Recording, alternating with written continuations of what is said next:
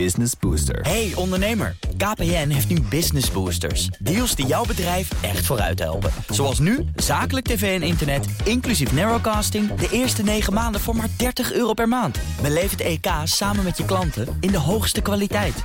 Kijk op kpn.com slash businessbooster. Business Booster. Auto-update. En om maar eventjes bij de Petroheads te blijven... Bernard Schut van de Nationale Autoshow. Goedemorgen. Goedemorgen, Bas. Ja, allereerst even die staking van de United Auto Workers in Amerika. Om 6 uur vanmorgen, 12 uur eh, eh, Amerikaanse tijd gisteren. Sean Fain zagen we nog eventjes optreden bij CNN. Dus de grote baas van de bond. Die aankondigde, we gaan walkouts doen. We gaan lopen gewoon weg bij General Motors, Ford Motor Corporation... en bij de Stellantis dochters. Nou, dat ma- maken ze Chryslers en Jeeps in Amerika. Dat is een Ja. pijnlijke toestand, Meijnerd. Een enorm pijnlijke toestand. Hè? Want het is de eerste keer in de geschiedenis dat bij de drie grote, de grote drie. tegelijkertijd eh, werknemers gaan staken. Het gaat om 13.000 werknemers van eh, Ford General Motors en Stellantis. Vroeger Chrysler natuurlijk, precies zoals je zegt. Eh, eisen een aardige loonsverhoging, 36 procent. Uitgesmeerd over een periode van vier jaar. En betere arbeidsvoorwaarden. Nou, actie wordt ook gesteund hè, door die, die, die grote autovakbond United Auto Workers. Vertegenwoordigen 150.000 werknemers in de Amerikaanse auto-industrie. Uh, ja, het is, het is heel pijnlijk dat drie, de, de grote drie gaan staken. Ook uh, natuurlijk voor uh, president Biden. Volgens mij hadden jullie het daar vanmorgen ook al zeker. over. Ik heb met Jan al uitgeboden, uit, tien minuten nadat dit bewaarheid werd. Wat belangrijk is, mij, dat is natuurlijk gewoon. Uh, wie bij welke fabrieken wordt gestaakt? Het gaat over de Rust Belt, he, alles om Detroit, want daar zijn die grote fabrieken ja. geconcentreerd. Nou weten wij, uh, maar misschien is dat toch leuk om te vertellen, dat een automaker niet uh, zelf alles bouwt, maar die hebben een aparte motorenfabriek en een transmissiefabriek ja. en die hebben toeleveranciers en noem maar op. Ja, en het punt is natuurlijk toch, als je een van de cruciale onderdelen eruit tikt, dat hebben we gezien met de supply chain ellende met Volkswagen bijvoorbeeld, een paar chipjes eruit en je verkoopt geen auto meer, maar zonder motor wordt het helemaal een lastig dingetje. Ja, precies, ik, komt hij gewoon niet vooruit. Nee, en ik begrijp nu dat United Auto Workers heeft gezegd... we doen eerst assembly plants, dus de, de, de, de fabrieken... waar de auto's samengesteld worden, waar ze uit al die onderdelen worden gehaald. Maar ze hebben natuurlijk overal laadjes die ze open kunnen trekken... om uh, de werkgever te pesten en te zeggen... en nu gooi je de motorenfabriek plat. Want ja, dan ja. virtueel gooi je alle fabrieken dicht dan. Precies, dat is het natuurlijk. En het heeft ook echt enorme impact op juist wat jij zegt, die toeleveranciers. Want het ligt ook, het ligt ook gewoon gelijk stil. Hè? Ja. Dat is het punt. Er worden gewoon gelijk geen orders gedaan meer. Dus dit heeft zo'n 13.000 werknemers bij deze fabrieken die dan stoppen. Dat heeft een impact op veel meer bedrijvigheid in de Verenigde Staten. En dat ja. gaat gewoon een enorme impact hebben. Nou en of. En ik denk dat ze uh, al die schepen onderweg uit China met al die MG'tjes en uh, BYD'tjes, dat die uh, vandaag extra kolen op het vuur gooien. Want zo snel mogelijk naar Amerika. ja, precies. Zit er dik in. Dat. Staan er ja. banen op de tocht bij een VW-fabriek voor elektrische auto's? Wat is daar aan de hand? Ja, dat, ja, dat is uh, op zich ook uh, wel uh, apart. Want het gaat over, dat, dat, gaat over een elektrische fabriek. fabriek voor elektrische auto's van Volkswagen.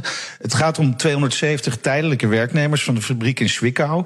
En de reden die is vooral bijzonder. Want het gaat om de afnemende vraag naar elektrische auto's in Duitsland zelf. Hè. Daardoor zouden de banen van nog eens 2000 tijdelijke werknemers bij die fabriek ook op de tocht staan. Nou, klinkt allemaal niet heel erg fijn. Het is ook echt wel wat aan de hand. Uh, orders vanuit bedrijven voor Volkswagens met een stekker zouden met 70% zijn gedaald.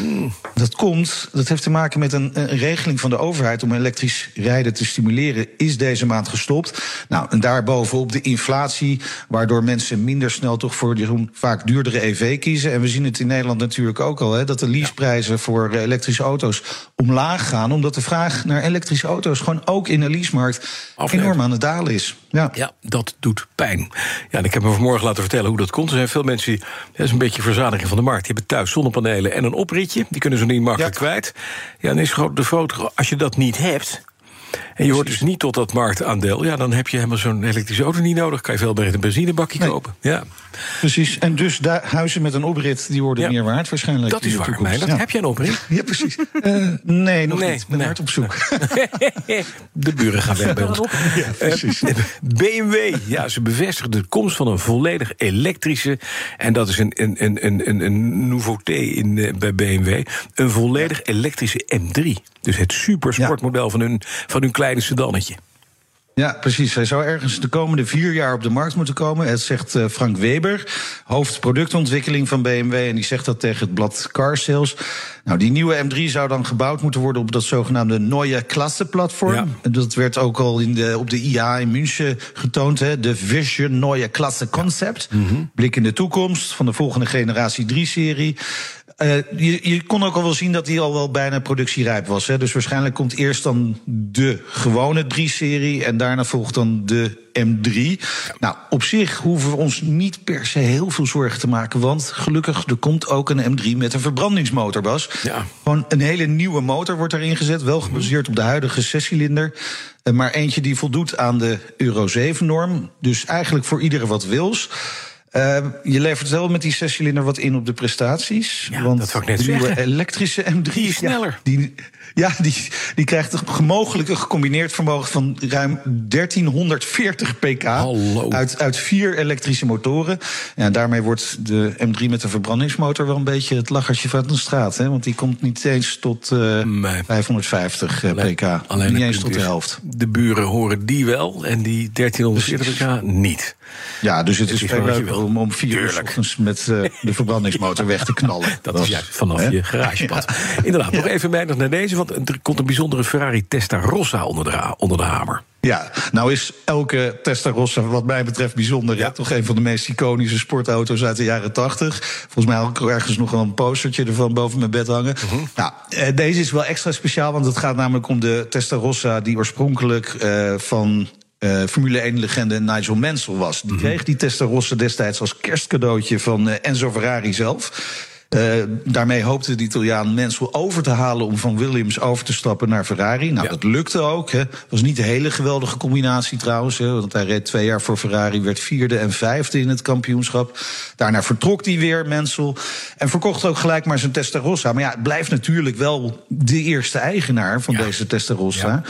Eh, er staat ook een naamplaatje op de dorpel met zijn initialen. Net als een bijpassende kofferset, ook met zijn initialen. Dus dat is best wel leuk.